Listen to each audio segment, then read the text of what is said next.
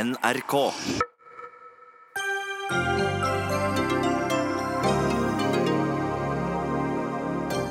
I fire år og en hel valgkamp kjeftet Arbeiderpartiet på regjeringen for at den brukte uforsvarlig mye oljepenger. Men etter valgnederlaget vil Ap bruke akkurat like mye oljepenger som Solberg og Jensen. Ny klinsj mellom kunstnerne og kulturministeren, for nå vil hun legge seg opp i hvilke kunstnere som skal sitte i komiteene som gir ut stipender. Det blir kongelig bryllup i Storbritannia mellom prins Harry og den amerikanske fraskilte og halvt afroamerikanske skuespilleren Meghan Markle. Fastlegen ville ikke sette inn spiral, og fikk sparken fra kommunen. Nå har lagmannsretten talt. Kommunen brøt menneskerettighetene, og oppsigelsen var usaklig.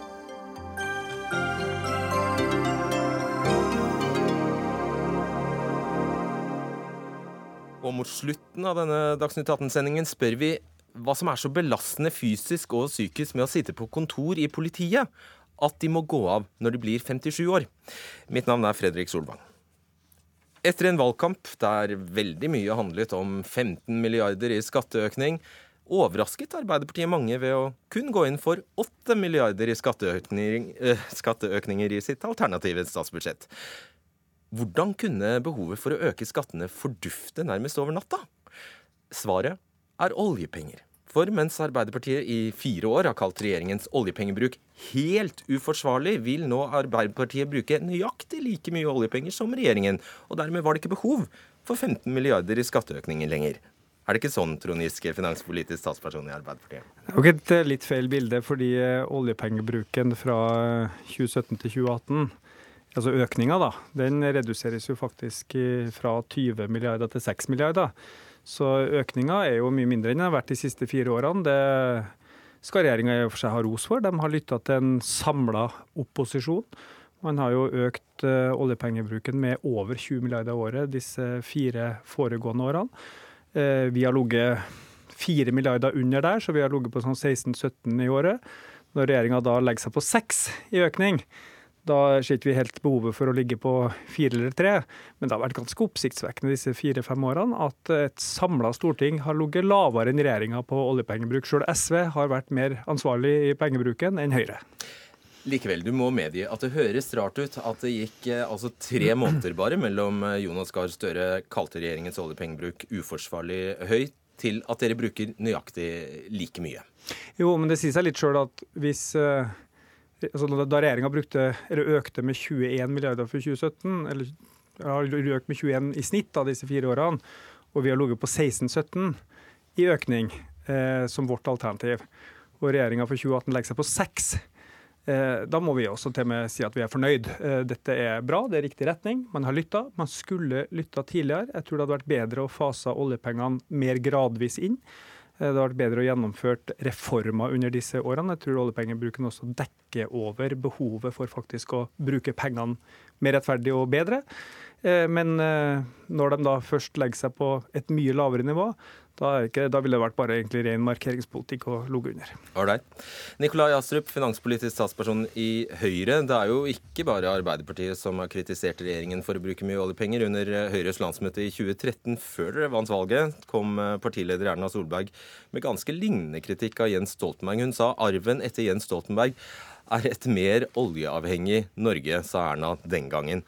Er vi nå mer eller mindre oljeavhengige enn vi var under Jens Stoltenberg, vil du si? Ja, det var jo riktig. Vi var veldig oljeavhengige. Det er vi i og for seg fortsatt. Men så er det eh, viktig å understreke at det som skjedde etter 2013, var jo at vi fikk det største oljeprisfallet på flere tiår. Eh, og det var nødvendig i en periode å bruke mer oljepenger. Vi er jo opptatt av at oljepengebruken skal være tilpasset situasjonen i norsk økonomi. Eh, og i en periode hvor veldig mange mistet jobben, så ville det være feil om vi skulle gå andektig i ring rundt sparegrisen, som Svein Flåtten en gang sa, eh, og se på eh, at folk mistet jobben. Det var behov for å gjøre noe. Eh, vi gjorde noe. Nå virker det. Pilene peker i riktig retning. Ledigheten er på vei ned, veksten er på vei opp, og ting er i bedring. Og da er det heller ikke grunnlag for å opprettholde den veksten i oljepengebruken som vi hadde de siste fire årene. Så når Trond Giske sier at ja, man har lyttet til opposisjonen, nei, det som har skjedd er jo at økonomien er i bedring. Og da endrer vi oljepengebruken i takt med det. Og så, la meg si Nei, vent med det så. For nå kan du svare på spørsmålet mitt, som var er vi nå mer eller mindre oljeavhengige enn vi var da? Det er fortsatt stort behov for å omstille norsk økonomi, eh, fordi oljen kommer til å bli mindre viktig i norsk økonomi fremover enn den har vært eh, i fortiden. Eh, vi må få flere ben å stå på, vi må omstille offentlig sektor. Og vi er jo i gang med det. Er vi mer eller mindre oljeavhengige nå enn vi var den gangen? Nei, Vi er fortsatt veldig oljeavhengige. Er, er vi mer eller mindre? Det, nei, det, Dette er ikke en eksakt vitenskap, Fredrik Solvang, og det tror jeg du også vet. Jeg bare lurer på din vurdering. Så, men Min vurdering er at det er fortsatt behov for å gjøre veldig mye på det. Men det som er interessant er at Arbeiderpartiet har jo stort sett vært mot eller lunkne til alle de store reformene av offentlig sektor Eh, som er nødvendig for at vi skal ha en bærekraftig velferdssamfunn, bærekraftig velferdssamfunn også i årene fremover. Og du nevner i fleng? Og jeg nevner f.eks. Eh, Nye Veier AS, som skal spare oss for 30 milliarder de neste tolv årene. Jernbanereform, som er viktig for å få mer ut av kronene og et bedre tilbud til passasjerene. Eh, kommunereform, hvor det er helt uklart hva Arbeiderpartiet egentlig mener. Er det en sparereform? Politireform, som de egentlig var for, men så er vi litt usikre om de fortsatt er for den, osv. Så okay. det er behov for å, å, ta disse grepene, men jeg syns ikke den kritikken fra Arbeiderpartiet står seg. fordi de har vært stort sett eh, lunkne eller motstandere av helt nødvendige reformer i offentlig sektor. Og de er for å bruke mye penger, så lenge det er folks sparepenger. Ok, svar, svar på det. Nei, altså For det første, oljen eh, er jo flere ting. Eh, det er jo masse dyktige folk som jobber i oljeindustrien, skaper masse verdier. Vi eksporterer også mye tjenester og varer og teknologi. Men så er oljen også en formue som ligger eh, i bunnen av Nordsjøen, og som veksles om i penger. Eh, og det er der det blir så feil når vi bare pøser det inn i et eh, forbruk. Det høres litt sånn ufarlig ut med oljepengebruk. I Sannheten er jo at når oljepengebruken har dobla seg i løpet av disse årene med Erna Solberg, så har underskuddet på statsbudsjettet dobla seg. Det er det oljepengene går med til å dekke. Det dekker alle de regningene mm. vi ikke løpende betaler med vår egen eh, verdiskaping på lag. Den summen er 990 million, million, milliarder kroner nå. Ja, på fem år så har vi brukt nesten 1000 milliarder. Mm. Og du kan si ja, Det kan være gode grunner til at det skulle være en økning i oljepengebruken. Det mener jo hele Stortinget også. Ikke så kraftig, men en økning i disse årene med krise. Men desto viktigere er det jo at da pengene brukes rett. Og det står altså ikke én en eneste ordentlig sparereform igjen etter disse fem årene. Og det står ikke én sosial reform, altså type full barnehagedekning, lovfester etter videregående skole, ett års svangerskapspermisjon, alle de store tingene som statsministre tidligere gjennomført nesten uten oljepenger. Det har man altså ikke fått det med 1000 mm. milliarder i oljepenger. Men det som kanskje lar seg kvantifisere og måle, Astrup, er hva dere har fått igjen for eh, disse Altså av 100 eh, milliarder i oljepengebrukøkning har dere altså brukt om lag 23 på eh, skattelettelser. Det må være mulig å fortelle oss nå nøyaktig hva de 23 milliardene har avstedkommet. I form av nye arbeidsplasser, f.eks. Jeg tror at det er veldig viktig å legge til rette for at det er attraktivt å skape nye arbeidsplasser i Norge. Og så tror jeg programlederen også er enig i at heller ikke det er en eksakt vitenskap. Eh, men det er eh, også sånn at skal du tiltrekke deg investorer til Norge, bedrifter i Norge, så må det være attraktivt å satse her. og Derfor har jo Arbeiderpartiet også vært med på Eh, å redusere selskapsskatten til 23% i 2018, som det blir, gjennom skatteforliket, ned fra 28% da vi eh, tiltrådte. Og eh, Hvis du ser på 2018-forslaget eller 2017-budsjettet, som er det som gjelder i år, så har jo Arbeiderpartiet nå med sitt alternative budsjett akseptert fire av fem skattelettekroner. Så det er jo en stor fremgang. Nå vil de fortsatt øke skattene med 8 milliarder sammenlignet med 2018-nivå, så de skal fortsatt skattlegge både bedrifter og folk betydelig mer enn oss, men det går i den den retningen. Men la meg også si til dette med oljepenger, for de snakker om 1000 milliarder. Arbeiderpartiet har altså brukt 980 eh, milliarder i den samme perioden i sine alternative budsjetter. Så det singler jo ganske godt i glasshuset her når Trond Giske snakker om at eh, vi har brukt for mye oljepenger. De har ligget omtrent på akkurat samme nivå hele veien. Eh, og nå legger de seg på nøyaktig samme nivå i 2018. Og det tar du til inntekt for hva? Nei, så jeg mener at den kritikken de kommer med, den, den blir litt hul når de selv salderer med akkurat de samme pengene. Og så er det viktig også å se dette i et annet perspektiv, nemlig at oljefondet er jo betydelig mye større enn det, var, det det var før. Så det å sammenligne krone for krone gir liten mening når vi fortsatt ligger under 3% godt under det som var okay, handlingsregelen. Ja. Og vi har også justert handlingsregelen ned. Nettopp fordi at fremover så kan vi ikke bruke så mye oljepenger som det yes. alle partier har gjort i årene som har bak oss. Trond Giske, litt av det vi, jeg tror mange av oss har lurt på, er jo, er jo det jeg innledet med, at uh, plutselig altså kan godt hende dere ble misforstått i valgkampen og ble tolket, eh, feiltolket ditt enn at dere ville ha 15, lovte 15 milliarder i eh, skatteøkninger. Det kan godt hende. Men når da det alternative budsjettet eh, kommer, så vil dere bare opp 8 milliarder. Og da er det jo sånn at dere tar disse pengene fra olje, oljeformen. Altså dere bruker oljepenger. Så hadde dere ikke gjort det, så hadde dere måttet øke med 15 milliarder. Nei, ja, Hvis vi hadde ikke brukt noe ekstra oljepenger fra 2017 til 2018. Ja, Hvis dere ikke hadde brukt de ekstra ja, oljepengene som, si, som Solberg Det har aldri vært noen partier på Stortinget som har hatt null i oljepengevekst fra et år til annet. For det er jo riktig at fondet vokser, og vi har inntekter på olje. Ja, men Dere har jo sagt det var så feil. År etter år har dere sagt at dette går ikke, går ikke an. Og det akkumulerer seg jo, så man skulle jo tro at når ja, det kom til 2018, så ville dere ha virkelig eh, gjort noe med den situasjonen og, eksempel, og reversert oljepengebruken. Men, men vi har ligget fire milliarder under hvert år. Eh, hadde du hatt den lavere kurven, så hadde du ligget 16 milliarder under etter fire år. Men det sier seg selv at du kan ikke rette opp det på ett år eh, og plutselig eh, gå 16 milliarder ned. Sånn styres ikke et land. Du gjør endringer gradvis. Men jeg syns egentlig det verste er at den svære oljepengebruken til Høyre dekker over behovet for reformer, fordi at Asup sier at de har gjennomført så svære reformer. Vel, pensjonsreformen, og ikke underreguleringa, det er minst viktig, men den ekstra sysselsettingseffekten som det gjør at du, det, lønner seg å stå i arbeid, den har gitt regjeringa 30 milliarder kroner ekstra å bruke bare i årets budsjett. Og Jeg spurte Siv Jensen om hun kan nevne en eneste reform som Høyre og Frp gjennomført, som når den reformen bare opp til knærne, og det finnes ikke én eneste. Ikke, ikke, en som er en tiendedel. Ja, kanskje Nye Veier, som stort sett består av å ta ut kryss og redusere eh, ut, utbyggingsstørrelsen liksom, på prosjektene, som kan være fornuftig nok det, den kanskje tar tre milliarder av året, hvis det var riktig de tallene som Astrup sa. Men altså, den pensjonsreformen vil i 2060 spare staten for 230 milliarder kroner. Og min utfordring, jeg kan spørre Astrup som jeg spør Siv Jensen, nevn én en eneste reform som Høyre har gjennomført, som når denne reformen opp til, opp til ja. ankeren.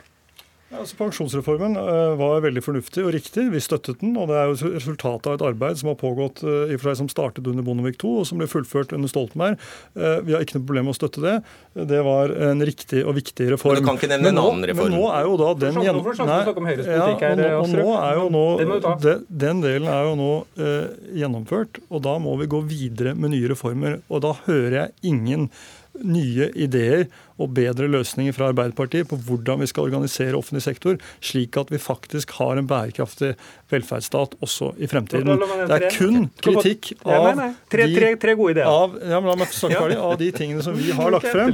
Og du sier nå at Nye Veier, ja, det, eh, det kan være bra, det. Det er fint, det. Men dere stemte altså mot, og er fortsatt imot. Okay, tre, tre, tre raske, gode ideer skal få dem gratis. For det første, vi kunne ta oss råd til en kjempereform. Sørge for læreplass til alle. Få dem ut i arbeid. Det kunne spare staten for mange milliarder. Vi burde halvere antall unge uføre med en massiv innsats på skolehelsetjeneste hjelp. Det ville spare staten for kanskje 15 milliarder i året. Og vi kunne også sørge for eh, at vi forbereder oss på den svære helse- og omsorgsjobben som vi trenger for framtida, med ny helse- og velferdsteknologi. Vi kommer ikke ja. til å klare den jobben med dagens arbeidsform. Her har du tre gode reformer, helt gratis, men det gjøres veldig lite. Som du kan svare ja eller nei til, Astrup, for det er alt vi rekker. Ja, men vi er jo i gang med alle de tre tingene. Men la meg bare avslutte da eh, med å si at eh, Trond Giske sier vi bruker for mye penger, men Arbeiderpartiet har jo konsekvent ønsket å bruke mer penger enn oss hvert eneste år. Det er, det er bare det at de har ønsket å bruke folks sparepenger. Der har de uten blygsel foreslått å ta inn betydelig mer enn regjeringen. Og det er en veldig kortsiktig strategi. Fordi eh, Hvis vi skal ha et bærekraftig velferdssamfunn, så er det begrenset hvor mye vi kan skattlegge hvis vi skal skape de verdiene som skal til for å finansiere velferden i årene fremover. Egentlig tror jeg ingen av dere Dere er ikke uenige om akkurat det siste. Bortsett fra da må du stemme Høyre og ikke Arbeiderpartiet. ja, riktig. Takk skal dere ha, Nikolai Astrup og Trond Giske. Dagsnytt 18 alle hverdager kl 18.00 på NRK P2 og NRK2.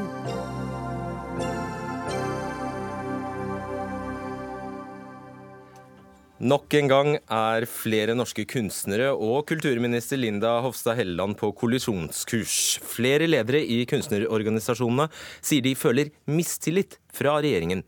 For nå skal ikke lenger kunstnerorganisasjonene få fordele de 300 millioner kronene staten har satt av til kunstnerstipender. Det har også vakt sterke reaksjoner at statsråden har gitt sin støtte til en aviskronikk om det som kalles en norsk kunstnermafia. og Derfor starter jeg med deg, eh, Dag Hoel. Du er billedkunstner. Du skriver i, nei, i Aftenposten det såkalte kunstnernettverket er ingen garantist for noen ting. I selve ordet ligger mafiabegrepet sauset inn som slim. Og for ordens skyld, Kunstnernettverket er altså en paraplyorganisasjon for eh, om lag 20 kunstnerorganisasjoner. På hvilken måte oppfører dette nettverket seg mafiøst? For det første kan man jo si at mafia, som noen tror jeg mener at det er en kriminell organisasjon, det er det slett ikke, selvfølgelig. Det, en, det betyr egentlig klikk eller omgangskrets, eh, og er brukt veldig mye den samme type forbindelse. Ok, Så har vi oppklart det. Ja. ja. Og det som er poenget, er at denne klikken, da, som jeg kaller det, de har veldig mange like oppfatninger om hva kunst er for noe. Og de holder da en rekke andre kunstnere utenfor eh, stipendier, innkjøp osv. Og, og når man da pøser mer penger inn i den klikken, så ikke det, kommer ikke det mangfold i kunstlivet til gode. Ok, Og du er f.eks. en av dem som holdes ute i, ja. av det gode ja. selskap. Ja. ja. Linda... Og det på tross av at jeg har et av de største publikum i Norge. Skjønner. Linda Hofstad Helleland, kulturminister fra Høyre. Du eh, likte det, dette innlegget Hvorfor gjorde du det? Ja, det er jo ikke sånn at uh, alt man liker på Facebook, uh, det trenger man å stille seg 100 bak. Men du Men sa det var kloke ord. Uh, viktig fordi at det er en jeg ønsker flere stemmer inn i denne debatten. her. Og Det som slår meg, er jo at flere kunstnere tar kontakt med meg og takker meg for at vi løfter debatten og sier at jeg skulle ha gjerne gått ut og støtta det, men jeg tør ikke å trykke like på Facebooken din engang, fordi i frykt for at det vil alltid ha ødelagt mulighetene deres for å få stipender. Og Det eh, gjør meg ganske stremt som kulturminister, at vi har eh, en så lite eh, åpen debatt om disse tingene. Og Dag Hol er en av de få som tør å si at nei, vi trenger mer åpenhet. Vi trenger økt tillit i ordninga knytta til kunstnerstipendene, så syns jeg det var en viktig stemme å bringe inn i debatten. Fordi her mm. forvalter man 300 millioner av fellesskapets midler, våre skattebetalere, altså skattepengene våre. Og da må vi ha full tillit til at det er åpenhet knytta til tildelingene. Og det er derfor regjeringa nå foreslår en endring som er utreda mange ganger. Det, er lagt på en kulturministers bord i snart 15 år. Ingen har tort å ta tak i det. For klart at Det er et vepsebord, det her, men vi gjør det. Og det er ganske små endringer. Husk på at i dag så er det kunstnerorganisasjonene ja, Helt kort. I dag så er det kunstnerorganisasjonen ene og alene som oppnevner eh, sine representanter til stipendkomiteer. Vi har 24 stipendkomiteer. Og det regjeringa nå foreslår, er å gjøre en ørliten endring fra å at kunstnerorganisasjonene skal oppnevne, til at de innstiller. Så Det betyr at en av komiteene som har åtte medlemmer hvis da um, utvalget for Statens kunstnerstipend mener at uh, det er en uh, litt uh, dårlig spredning geografisk eller kjønn eller alder, eller at de kunstneriske uttrykkene ikke er representativt nok, ja, så kan de foreslå å gjøre en annen endring. Men det er fortsatt kunstnerorganisasjonene og fagforeningene som som som, eh, som, foreslår, og som oppnevner, og som vil ha uh, størst okay, innflytelse. Så det er ikke du som skal sitte der og bestemme? Nei, overhodet ikke. Det her er mer armlengdes avstand enn noen gang. det er en grei avklaring. Wenche Gulbrandsen, du er billedkunstner og tidligere leder i Kunstnerforbundet. Ja, eh, Først, la oss ta dette med forholdet til kulturministeren. Hvordan vil du betegne det om dagen? Nei, Nå er det jo kjempevanskelig, syns jeg. fordi eh, her var det utrolig mye å ta fatt i. Jeg vet ikke riktig hva jeg skulle alt, men nei, nei, ja, La oss ta det du reagerer aller mest på. Ja, altså for det første dette med at det, er en, at det er en klikk. Jeg lurer på hvordan man kan være en klikk når man blir byttet ut når man bytter ut alle som sitter i klikken hvert annet år. Når det er så stor rotasjon. Eh, da kan man ikke snakke om at dette er en klikk. Uh, og det er ikke kunstnerorganisasjonen som utnevner det, de, det er uh, rett og slett kunstneren som velger. Det som blir foreslått, blir lagt ut på valg. Så hva er det du har imot denne nye, altså, uh, denne nye innordningen til Helleland, at kunstnerorganisasjonene kun skal, altså skal, ha innstillingsrett og ikke utnevnelsesrett? Fordi du tar bort en del av demokratiet. Og, og det er rett og slett ikke riktig at det er kunstformer som blir forbigått det er helt umulig å få til forbigåelse i dette systemet med så stor rotasjon. Men det kan være kunstnere og, som blir forbigått? Ja, kanskje et år eller to, men hvis du holder på lenge nok, så er det rett og slett mulighet for alle. Og, jeg, okay. jeg, må bare si en ting, at her ligger det i dette her som Dag Hoel snakker om, som smak, så ligger det skjult en sånn debatt om at de som er figurative, de, de har det så forferdelig vanskelig. Men det er nok å gå på Jeg vet ikke om kulturministeren har sett Vanessa Bairds utstilling på Kunstnernes hus. Det er en absolutt figurativ utstilling på alle måter, og hun er absolutt ikke forbigått. Sånn at det er faktisk ikke sant når de opererer med smaksbegrep omtrent som vi skulle være konditorer. Hol. Ja, altså det som er, det er helt enig, det er veldig mange nivåer her. og Jeg, jeg har veldig lyst til å si det, at når det gjelder hvem som skal bestemme, at kunstnere skal bestemme hvem som skal sitte i disse komiteene, det er noe helt nytt. I, i, historien. fordi at Hvem er det som har kjøpt inn all kunsten i flere hundre år? Det er jo altså katolske kirke med teologer i spissen har da vært ansvarlig for å kjøpe den kunsten. Og, og, Det er også da industriherrer, konger og det er bakere og alt mulig rart som har stått for å kjøpe inn. Så dette at kunstnerne skal bestemme hvem som skal sitte der, det er relativt nytt. Altså noen tiår. Ta dette det som, argumentet det som, er, eh, som Gulbrandsen eh, ja. sier, at eh, det er slettes ingen klikk. Du kan ikke kalle ja. det en klikk når det er rotasjon annethvert år, eller hva det var du sa? Ja. ja. Men det er ganske mange i denne klikken, for å si det sånn. Altså, det er Stor klikk. jeg kan bare ta et eksempel. Hvis, hvis jeg sier at Picasso er betydelig overvurdert som kunstner, så blir det rabalder, og jeg blir æreskjelt på Facebook. Uh, slik at mine synspunkter de er da ikke, de er ikke det miljøet. Og det er nok av kunstnere som ikke Jeg har fått masse støtte av forskjellige kunstnere. Jeg fikk en telefon rett før jeg gikk hit i dag, av Arne Paus, eh, Webern Sand. Og, og, og, hvem var det som introduserte kitsch-begrep som jeg okay. syns er litt tøvete? Det er jo Odd Nerdrum. Han er betydelig forbigått i norsk kunstliv. Hvorfor lo du nå, Gulbrandsen? Nei, altså fordi Vi er stadig tilbake til et, eh, et sånt underliggende argument at eh, alle disse sårede mennene, som nesten alle sammen gjør det, bra Det er masse damer også. Eh, Helene Knop, Trine Folmo osv. Karrieremessig, de gjør det bra de selger. De trenger kanskje ikke stipend heller, og de, jeg vet ikke om de søker stipend heller. fordi man må jo rett og slett se på statistikken, og hvis man gjør det, så ser man at det er veldig stor spredning både på kjønn, uttrykksform og distrikt. For det har NBK holdt på med i mange år å, Men, finne ut av. Okay, Men, ja, det som det som jeg ikke helt skjønner, er at fagforeninga her, da, eh, eller kunstnerorganisasjonene, fremstiller det som en dramatisk endring. Jeg er opptatt av at det her er ordninger som skal sikre kunsten, som skal sikre kunstnerne. At ingen skal eh, sette spørsmålstegn ved ordningens legitimitet. Og for å sikre ordninga legitimitet, så er det nettopp viktig at alle med faglig kompetanse er valgbare til komiteene ikke bare dem som har en organisasjonstilknytning.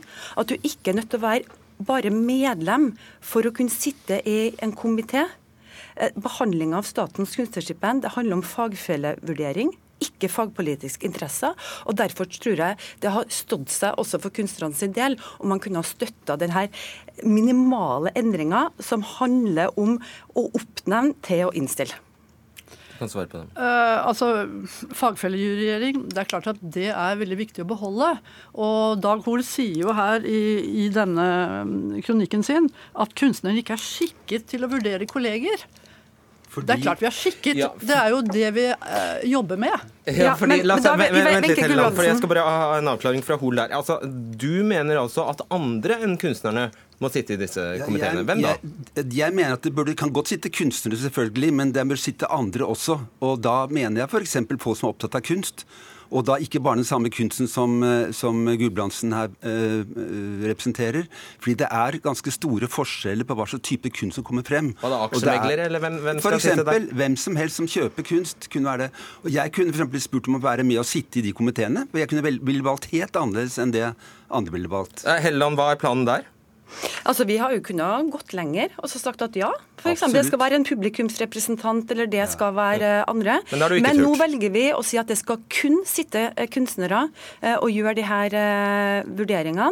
Men vi sier at det, det er ikke bare dem som er medlemmer som skal kunne oppnevne. Også, jeg ønsker at hele kunstnerbefolkningen skal uh, vurderes og ha muligheten uh, til å bli representert. Det er det ikke i dag, og derfor er det på høy tid at vi uh, gjør denne endringa. Du nevnte tallet 20 000, Gulbrandsen. Altså, hvor mange er det som står helt som ikke er del av det gode selskap da, som eh, Hol påberoper seg? Hvor mange, hvor mange snakker vi om? Nei, Det vet jeg ikke, men kanskje 10% eller noe sånt nå.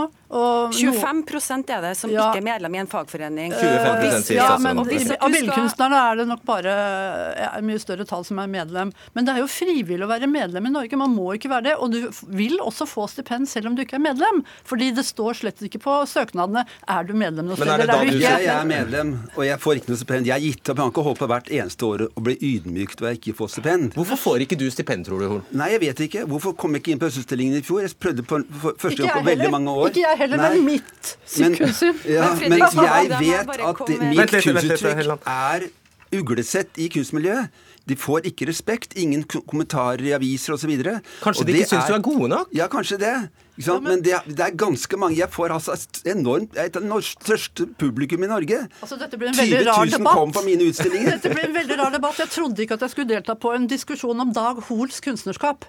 Nei, men det er jo Det, det, angår, det, det angår jo saken, selvfølgelig. det Ja, det som er- handler- det som ja, Fordi ok, at Helle Hun sier jo at det er så greit alt sammen, men det er ikke det. Hvis det er 25 som ikke kommer med i disse systemene, så er det en ganske stor prosent. Alle kan søke stipend. Linda Helleland. Ja, men man får Ja, nei, det ikke. altså, jeg synes det her er veldig det her- Linda Helleland. Ja, det her er veldig interessant, for det har, det har vært et behov lenge for å ha gjort endringer.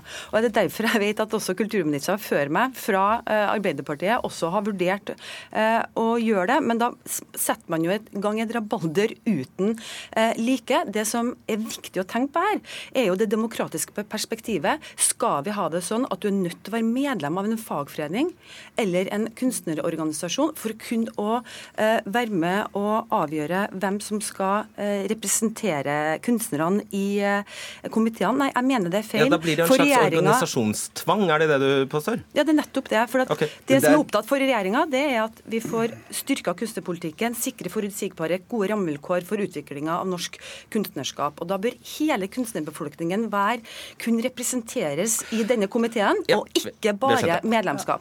Nei, altså dette er en skjult smaksdebatt. Det er bare ikke mulig å, Mhm. Hva å mener du med det? trekke den der kaninen opp Ja, av hva mener du med det? Jo, fordi det er jo rett og slett snakk om at det som Dag Fohl sier, at han får ikke stipend fordi han har et spesielt uttrykk. Og det, Det er stemmer. rett og slett ikke sånn. Jo, Jeg får heller ikke stipend. Ja, det okay. er mange som ikke får Men hvordan beviser du Ja, Hvordan, bevi, hvordan, hvordan belegger Fordi du det, han, eh, det er jo han som hele tiden sier at han får det ikke pga. Av, av det. Men jeg mener jo nettopp ved at det er åpent og alle kan søke, så vil du få stipend bare du er god nok. Så selv om du vegrer deg for å gå inn i i Dag Hoels verker, altså, er det kvaliteten det skorter på? da? Ja. Han er bare for dårlig? Ja. Ok, da, Det er sånn hører du det. Og det er sånn debatten er på Facebook også. Men det stemmer ikke. Altså det som er Poenget er at her er det sånn innavlsgreie. At kunstnerne har liksom fått seg frem på egen hånd.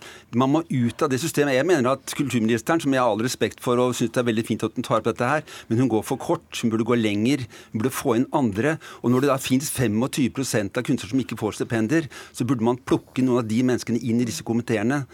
Fordi at det, er det ikke sannsynlig som helt statistisk, Dag, eh, Dag Hoel, at hvis av så mange kunstnere at 25% ikke holder mål? Jo, absolutt. Men jeg mener at det er veldig mange av de som får stipend, som ikke holder mål. Ja, nettopp, der har du det. Men, Men jeg- det er en ting som er veldig viktig her. Ja, Og det, jeg mener at det er altså veldig alvorlig, fordi at uh, eh, altså, Når man da ikke har mulighet til å komme inn, så vil også de som altså, For det å snakke om publikum, det er et tabu i kunstlivet. Og jeg mener at kunsten har beveget seg så mye fra publikum at folk er ikke interessert i kunst mer snart. Og det er veldig alvorlig. Og det er fordi Det er i de hvert fall en liker- større debatt. Ja, Ja, og ok. de liker ikke mye av den kunsten de får servert. Er du- Jeg kan ja, bare la- nevne Kvam i dette øyeblikket, ikke sant? Helleland, først og Gul- Gulbrandsen etterpå. Er, det, er, du, er du også av den altså Handler dette om hvem som selger og ikke, og ikke og appellerer? For det skal ikke jeg ha noe mening om. Okay. og det er en Armlengdesprinsippet det står jeg eh, fast ved, og det er veldig viktig for eh, regjeringa. Men jeg tror nok den debatten her eh, viser hvorfor vi trenger å gjøre noen endringer. Og at det viktigste er når disse menneskene skal sitte og forvalte 300 millioner norske kroner, at de har en, en, kan vise til en ordning som, eh, hvor det er åpenhet, eh, hvor man kan ha full tillit til, eh, og hvor man også er sikra at ordninga sin eh, legitimitet også eh, kan forsvares eh, langt fram i tid. Ok, Gulbrandsen, du får uh, avslutte. Er, stemmer det at det nå er utvalget for, sta hva var det? Det, stat, utvalget for Statens kunstnerstipend som skal avgjøre dette til syvende og sist, med innspill nå fra organisasjonen. Er det sånn eh, modellen blir? Altså, jeg vet ikke hvordan ministeren har tenkt seg det, men jeg har bare lyst til å avslutte med å si at jeg sitter ikke i en stipendkomité som vurderer alkohol. Jeg har aldri gjort det. Sånn at det jeg sier, er min private mening i det denne er en grei avklaring. Ok. Takk skal dere ha, Linde Hofstad Helleland, Wenche Gulbrandsen og Dag Hol.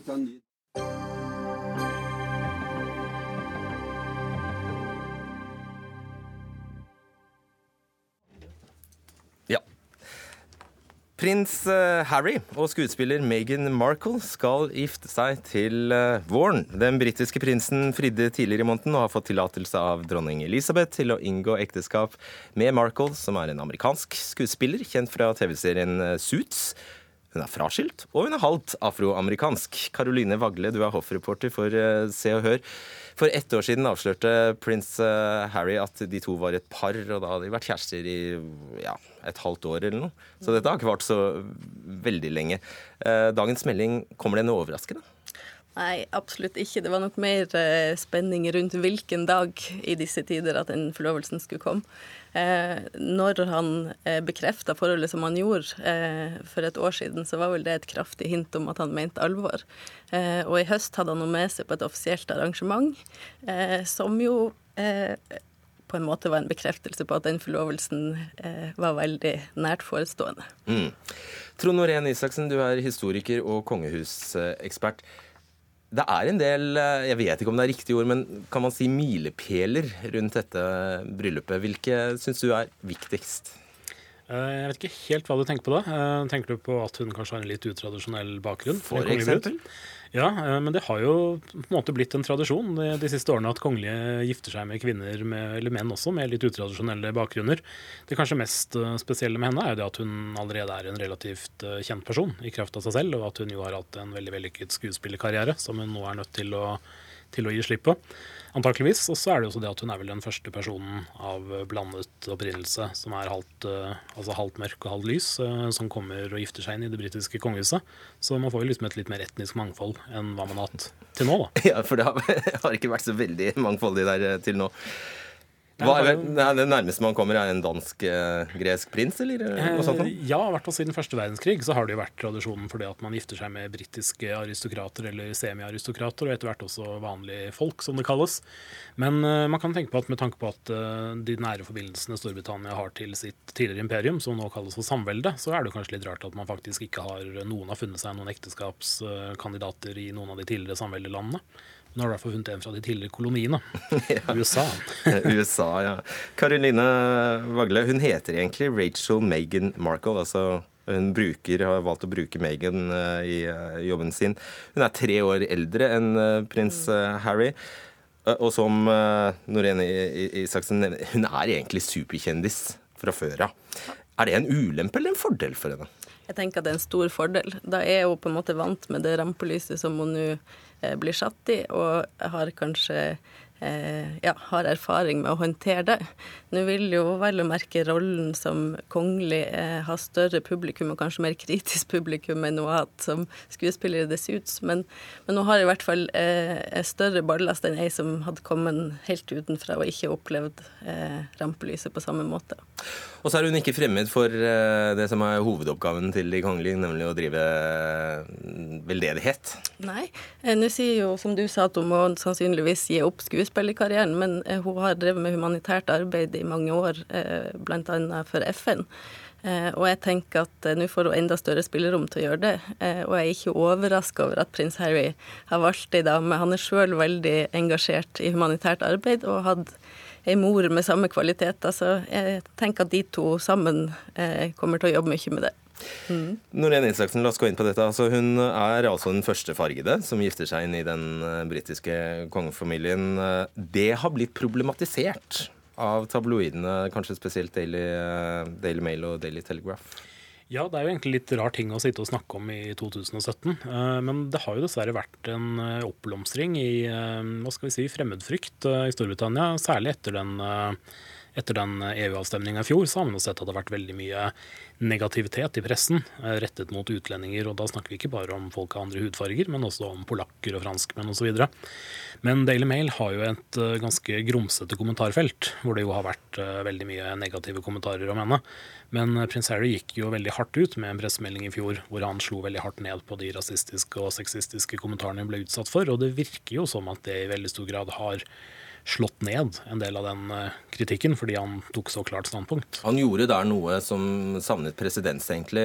Gikk ut offentlig med en pressemelding og refset eh, eh, media. Sa at pressen hadde trådt over en grense, og at Markle hadde blitt utsatt for en bølge av overgrep og trakassering på forsiden av tabloidene.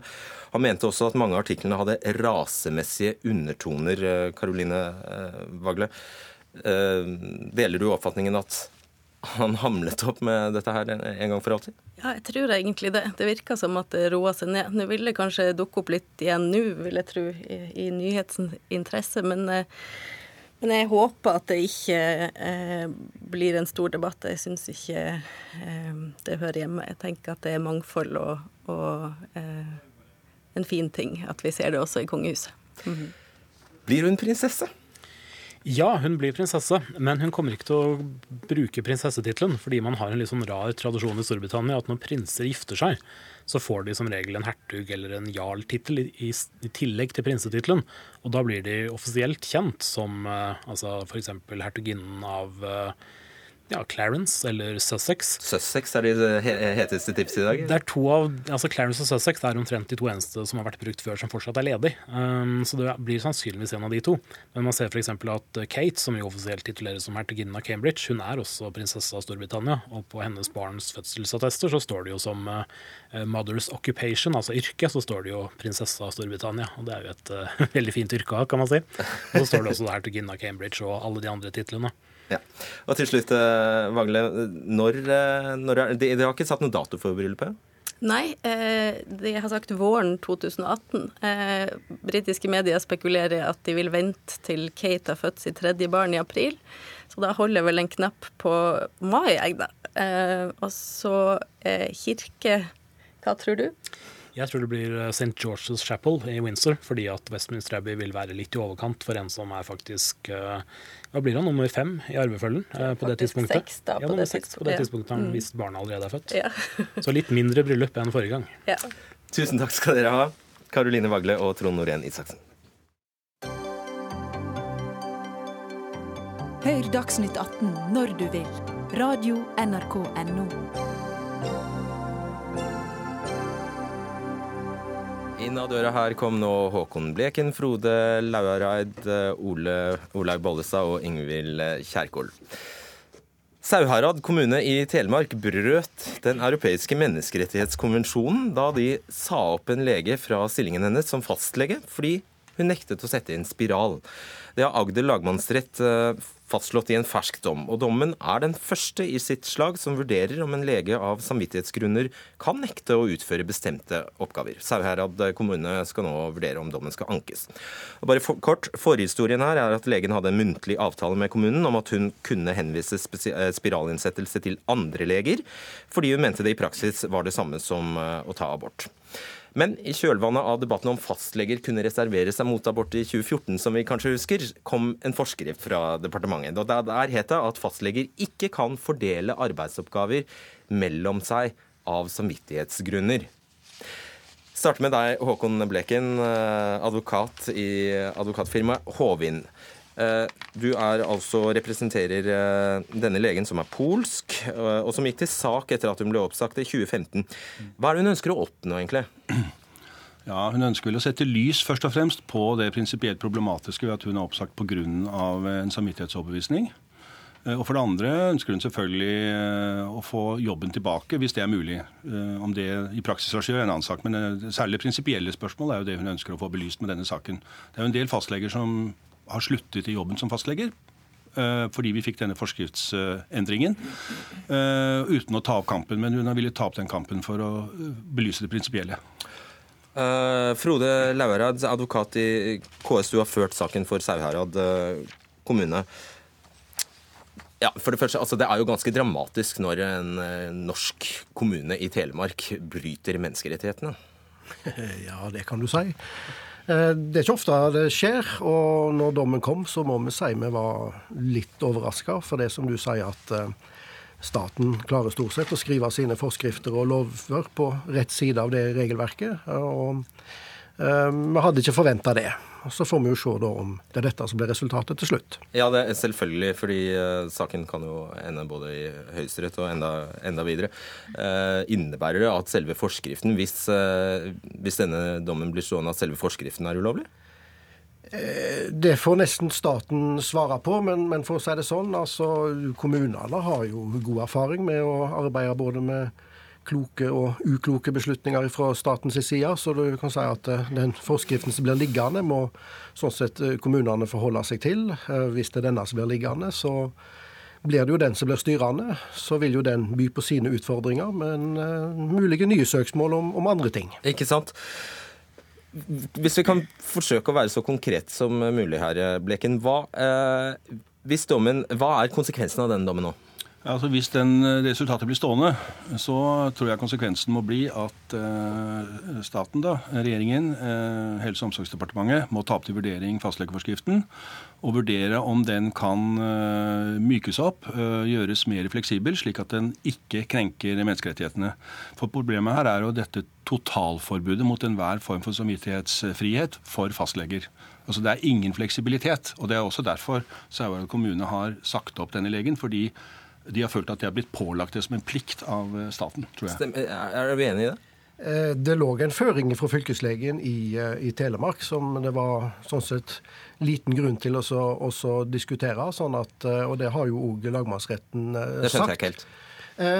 Fylkeslegen i, Telemark ja. Eh, sendte et brev til Sauherad kommune og, og, gav uttrykk for at de mente at kommunen hadde en fastlege som ikke opptrådte i tråd med forskriften, eh, og ba kommunen melde tilbake hvordan den ville rydde opp i dette her. Eh, og Da gjorde kommunen sine undersøkelser og fant ut at det eneste alternativet det er å innlede en prosess med å spørre Jakimovic om hun ville endre praksis, noe hun ikke ville, og da var det ikke noe annet alternativ enn å si opp. Nettopp, og Da måtte, følte kommunen at de måtte si henne. Hva var hennes praksis? Hennes praksis var jo at hun sa at hun uh, ville ikke sette inn spiral uh, på sine pasienter som etterspurte det. Uh, ikke fordi at hun ikke kunne, det var òg for så vidt en realitet, men, men, først og fremst fordi at hun av samvittighetsgrunner ikke ville. Og, og, Der er på en måte utfordringen òg. Vanligvis i norsk arbeidsliv så er det jo sånn at du leverer på den arbeidskontrakten du har, uten, uten unntak. Eh, det gjør det enkelt for arbeidsgiver, det gjør det enkelt for de som skal forbruke tjenestene, og stort sett så vil det òg være enkelt for, for arbeidstaker. Eh, for, for, hennes del da, så um, så oppstår jo da denne utfordringen med at hun må ta stilling til om hun skal endre sin praksis eller ikke. Og når hun ikke ville det, så, så hadde ikke kommunen noe annet alternativ enn å gå til oppsigelse. og Det anerkjenner jo også eh, lagmannsretten, eh, fordi at eh, den sier at kommunen ikke hadde noe handlingsalternativ. Skjønner. Og da slapp også kommunen å betale erstatning, noe du ellers måtte ha gjort fordi du hadde gjort en feil. Huh.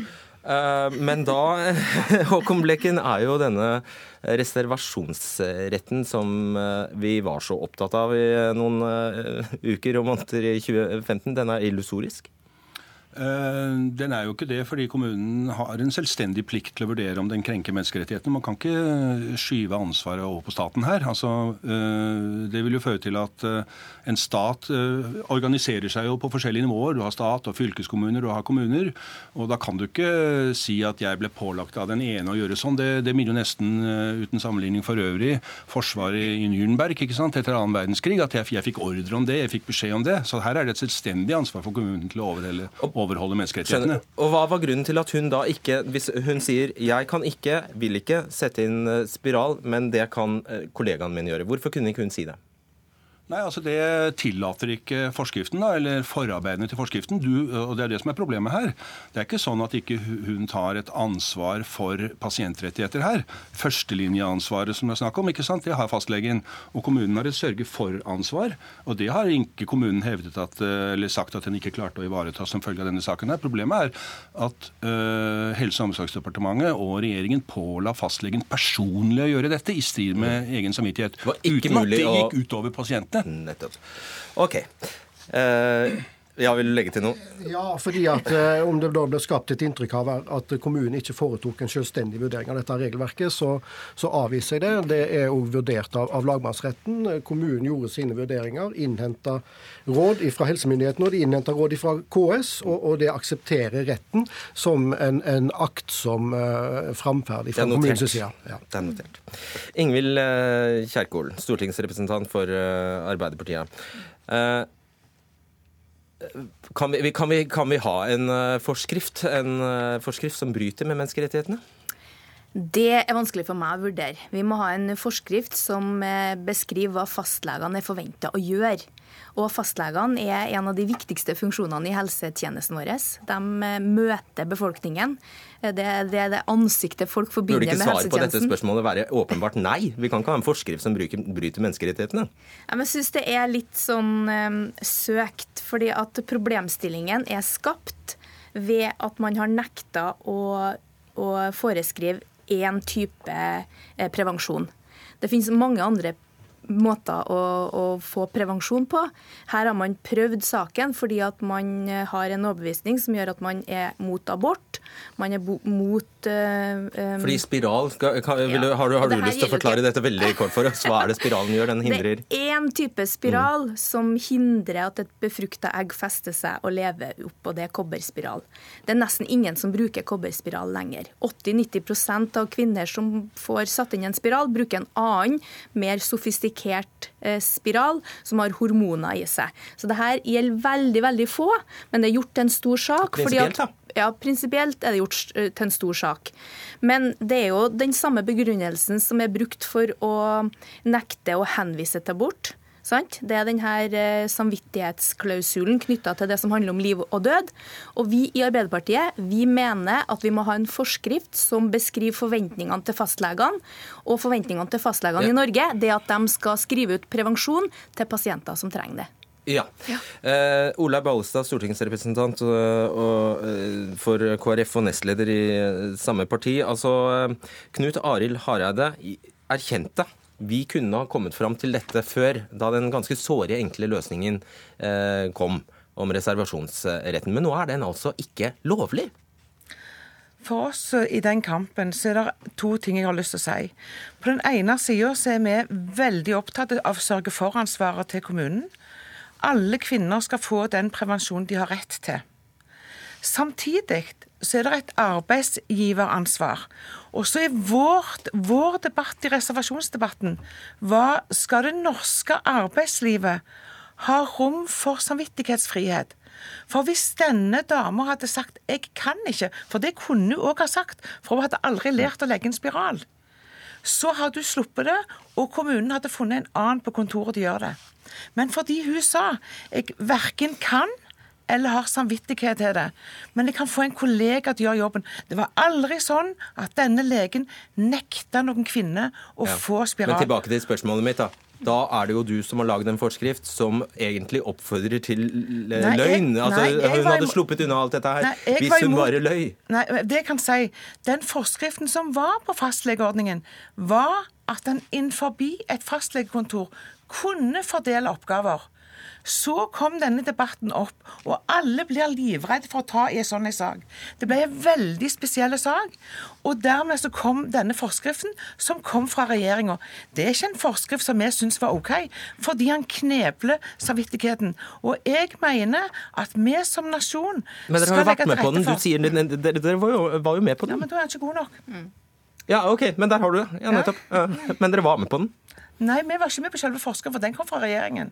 Ja, men selve løsningen holdt dere jo på ja, med i flere ja. uker. Ja. Løsningen var at kvinner ikke skulle henvise til, hen, kunne henvises til abort fra et fastlegekontor, kunne gå rett på sykehuset. Det var løsningen. Og i tillegg så kunne fastlegen slippe å skrive henvisningen. Ja, nettopp. Fastlegen men, skulle ikke ha noe med det å gjøre. Ja, mm. det stemmer. Men Kjerkol, hva, hva, gjør vi nå, da? Hva, altså, er, du, er du fornøyd med dommen?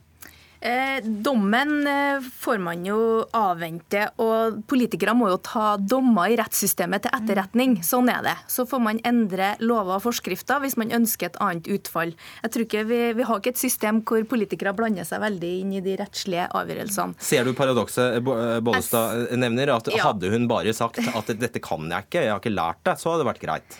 Ja, men jeg tror det er veldig viktig at man fra helsemyndighetenes side er tydelig på at det å sette inn spiral, det er en helt normal fastlegeoppgave. Så finnes det også fastleger som ikke har samvittighetskvaler, som ikke har den overbevisningen som, som vedkommende har her, som ikke får til det. Og da har de et ansvar for å gjøre det på en, på en best mulig måte. Men det er en helt klar fastlegeoppgave å sette inn spiral. Ok, Bollestad kort. Ja, Da kan jeg ta et annet eksempel, men det gjelder en annen sak. Vi som helsepolitikere har vedtatt en enstemmig helsekomité. Det er helt greit å reservere seg for omskjæring av gutter. Det er helt greit. Men det er ikke greit av samvittighetsgrunner. Da syns jeg at vi har knesett et prinsipp. Med en gang vi snakker om samvittighet, så er det nei. Men hvis vi snakker En kirurg har egentlig òg plikt til å gjøre den jobben. Men han gjør han ikke. Sykehuset outsourcer den jobben. Og da tenker jeg, da er vi selvmotsierne hvis vi ikke har plass for reservasjonsrett. Enten så har vi det, eller så har vi det ikke. Og for meg så handler det om liv-død-spørsmål. Det skal du få svare kort, veldig kort på, og så skal eh, Laureid få Ja. slippe til. Eh, Hver gang reservasjonsrett blir løfta som et argument for å innskrenke abortloven, så kommer Arbeiderpartiet til å bli veldig ivrig. Det kan du være trygg på, Olaug. Vi har et helt annet ståsted enn KrF i det spørsmålet. Og hver gang argumentene, de samme som man fremfører mot abortloven, for innskrenkninga der, blir brukt når det gjelder kobberspiral, så kommer vi også til å våkne. Det har vi lovt norske kvinner i ganske mange valg, og der står vi veldig fast. Men, men Ingvild, du, jeg sa jo det innledningsvis. Dette handler ikke om innskrenking. Dette handler ikke om prevensjon. Det handler om samvittighetsfrihet. Uavhengig av abortloven. Bollestad, nå avbryter jeg deg. Ja, takk. Eh, Det handler om eh, det, men det handler også for så vidt om, om eh, pasientperspektivet, som kommunen mener er særdeles viktig her. Og poenget er at kommunen har et uh, sørge-for-ansvar. Da er det stor forskjell på om Sørge for å gi kvinnen det hun har krav på. Sørge for at helsetjenesten blir. Og da er det veldig, dette er et sentralt poeng. Da er det veldig stor forskjell på om du har folk som ikke kan eller ikke vil. Mm. Fordi at de som ikke kan, kan du alltid lære opp. Men har du en arbeidstaker som absolutt ikke vil, da er du låst. Og, poenget, og det siste poenget jeg skal få fram, det er at når du da har en som ikke vil, så har du ikke noe hjemmel i dag for å pålegge de øvrige på å overta de oppgavene. Det er en, et frivillighetsperspektiv ved det. Og Dermed så kan kommunene komme i en situasjon der du da faktisk er satt ute av stand til å så oppfylle pasientrettighetene. Du må spissformulere deg på ti sekunder, Blekken. Poenget er jo at man hadde en ordning som gjorde at de legene som var der, og, og kunne det, og var villige til å gjøre det. Så det var ikke noe problem. Og For det andre så er det ikke riktig at man snakker om forventninger, man snakker om plikter som fører til oppsigelse. Og for det tredje er det en fast 30% av fastlegene som ikke eh, setter inn spiral. Den gjorde du bra. Veldig bra. Takk skal dere ha. Håkon Bleken, Frode Lauerad, Olaug Bollestad og Ingvild Kjerkol.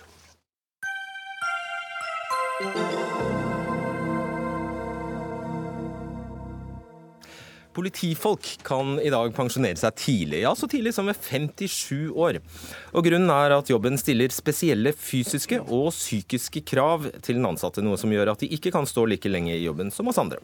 Kanskje ikke så rart når du tenker på at arbeidsoppgaven en politiansatt eh, har, men noe overraskende er det kanskje at regelen også gjelder for ledere i politiet, som på mange måter har en ganske vanlig kontorjobb. Dette vil du ha slutt på, eller dere, Sverre Bromander, leder i Politijuristene. Eh, Hvorfor skal ikke ledere i politiet pensjoneres samtidig med øvrige polititjenestemenn? Eh, Det vi vil, er at politiet skal følge loven. Altså sær- Særaldersgrensen er en rettighet som eh, er gitt til de som har et særlig krevende arbeid, ikke et gode som kan forvaltes av andre grunner. Eh, Når dette i tillegg har blitt brukt som et argument for å stenge eh, oss og andre ute fra å søke lederstillinger i politiet, så har vi reagert. Vi har reagert kraftig. Eh, Vi mener at lederstillinger i politiet skal besettes av de som har de rette kvalifikasjonene og de beste kvalifikasjonene. Er det, ja, fordi dette er nytt for oss alle oss andre, så du må forklare hva mener dere har skjedd? Altså, det vi mener har skjedd, er at disse stillingene forbeholdes de med politiutdannelse, for de kan pensjoneres når de er 57 år, istedenfor å åpne for at en dataingeniør skal søke en, kan søke en stilling på en seksjon for, som etterforsker datakriminalitet, f.eks. En siviløkonom kan ikke søke en stilling som leder for en seksjon som skal etterforske økonomisk kriminalitet, og det mener vi er ødeleggende. Er, vi er nødt til at politiet åpner opp for annen type kompetanse. Eh, og vi er nødt til å rett og slett åpne politiet for å adressere de kulturutfordringene som mange har påpekt at vi har. Sigve Bolstad, leder i Politiets eh, Fellesforbund. Dette er litt sånn snudd på hodet. For vanligvis eh, vil dere insistere på at flest mulig skal Altså, det vil være en fagforenings naturlige instinkt i en sånn sammenheng som dette her, å insistere på den særaldersgrensen. Men her mener dere faktisk det motsatte. Altså Det som er, som er helt klart i denne saken, her, det er at partene i arbeidslivet har fremforhandla en eh, avtale. Når det gjelder særaldersgrensene, så ble det fremforhandla i 1956. Eh, og Jeg har for meg et dokument her, en NOU fra 1978, der bl.a. står det er så vel hensynet til polititjenestemennene som til politiets effektivitet som departementet har hatt for øye når det foreslås opprettholdelse av særaldersgrensa. På tide å revidere den, kanskje? Siden ja, altså, Først var det i 56, og nå er det i 78, og så har det vært uh, videre. Så vi mener at dette som går på særaldersgrensa, det er en uh, rettighet som er, uh, og det er det partene i arbeidslivet som skal forhandle. Og, og, det er der det også skal foregå. Ja, og du er ikke enig, uenig med Bromander i at kjernen her er at dere blokkerer og blokkerer for andre yrkesgrupper? Ja, hvis du tar landets tolv politimestere, så har elleve av dem eh, juridikum. Eh, rettsvitenskap. Eh, og det, da er det på plass at man også ivaretar det som heter det politifaglige eh, aspektet her. Med andre ord, du må ha gått på Politihøgskolen? Med andre ord, så hvis du skal lede det som går på det politifaglige, så mener vi at det kreves en politiutdanning. Det skulle nesten bare mangle. Promander? Nei, altså Jeg syns ikke det nesten bare skulle mangle. for altså, Vi lever i en kompleks tid. Kriminaliteten blir stadig mer kompleks, stadig mer utfordrende. og Ikke minst fremtidens kriminalitet kommer til å være enda mer utfordrende. Du ser i hvor stor grad vi er fraværende på internett. altså Cyberkriminalitet har ikke norsk politi kontroll på det i hele tatt. At ikke da også skal åpne for annen type kompetanse, også i disse tilbudene om mulige karriereveier, og si at det er en viktig del av fremtiden. Også ledelsen av fremtidens politi er veldig, vanskelig, veldig vanskelig for å forstå. Men så bruker du altså pensjonsrettighetene, opparbeidede fra 1956 sådan, som en slags brekkstang?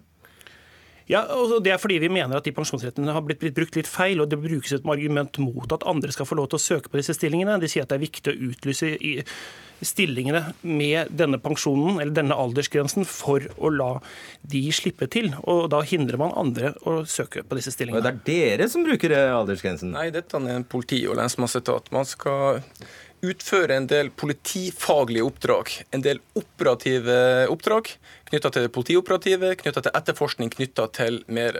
Og Alle da, sjefene i politiet er, gjør ikke da det. Da er tradisjonen der at det kreves en politifaglig bakgrunn for å kunne inneha de stillingene. Så må jeg si det har skjedd en oppmykning. Det høres ut som det er helt uh, statisk, dette. Det har skjedd en oppmykning som betyr at en god del av lederstillingene i norsk politi er akkurat sånn som Sverre Bormande sier nå.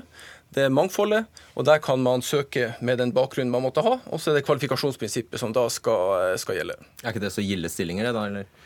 Nei, altså Dette er jo varierende. altså Jeg er ikke ubetinget enig i at det er slik som Sigve Bolstad sier. Eh, vi snakker jo også her om veldig mange lederstillinger hvor man skal lede andre ledere. og Dette er kontorstillinger som sitter på kontor bortover eh, sammen med andre som, som aldri er ute, liksom? Er det som det du sier? aldri er ute og ikke har vært ute på veldig mange år. Og hvorfor de sitter i en posisjon og skulle ha en sånn særlig krevende stilling. Eh, som Nei, det er vanskelig å forstå. Ja, det er faktisk vanskelig å forstå.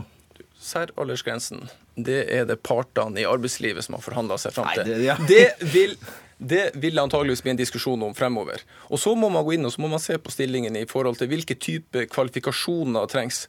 Og nok en gang, en del av dette er ren, skjær politifaglige oppgaver. Det er politioperative ja, du oppgaver. Kan, du kan ta stilling bare... til det han sa, at, at sitter, du, sitter du pal på rumpa hele dagen og bare er sjef på et kontor og aldri er ute, så trenger du ikke å gå av 57 år. Ja, Det blir helt umulig her å sitte på Dagsnytt 18 og ta hver enkel stilling og hver enkel oppgave. Det er nesten så du skal ha en stillingsbeskrivelse på alt og si når sitter du på rumpa, når sitter du ikke på rumpa. Jeg tar for det første avstand i forhold til det å sitte på rumpa. Ja. For en god del av disse oppgavene handler ikke om å sitte på rumpa. Det handler om å foreta livsviktige vurderinger i forhold til det politifaglige. Og det er det vi er veldig tydelige på her. Og det høres ut som et veldig kort, det høres ut som et veldig greit prinsipp at de fleste skal gå til Politihøgskolen hvis du skal være politi? Ja, altså Det kommer an på hvordan man vil sammensette norsk politi. Vi opplever som sagt stadig kritikk for at vi er for lukket, at vi i for liten grad åpner for annen kompetanse. Jeg tror fremtiden at vi jobber sammen, veldig mange av oss, med ulik kompetanse for å skape et best mulig politi. Ok, Det var det vi rakk. Takk skal dere ha. Eh, Sverre Bromander og Sigve Bolstad. Eh, husk at du kan høre Dagsnytt 18 på podkast på NRK radio og TV-appene på mobil, på nrk.no, og også i reprise på Alltid nyheter klokka 20.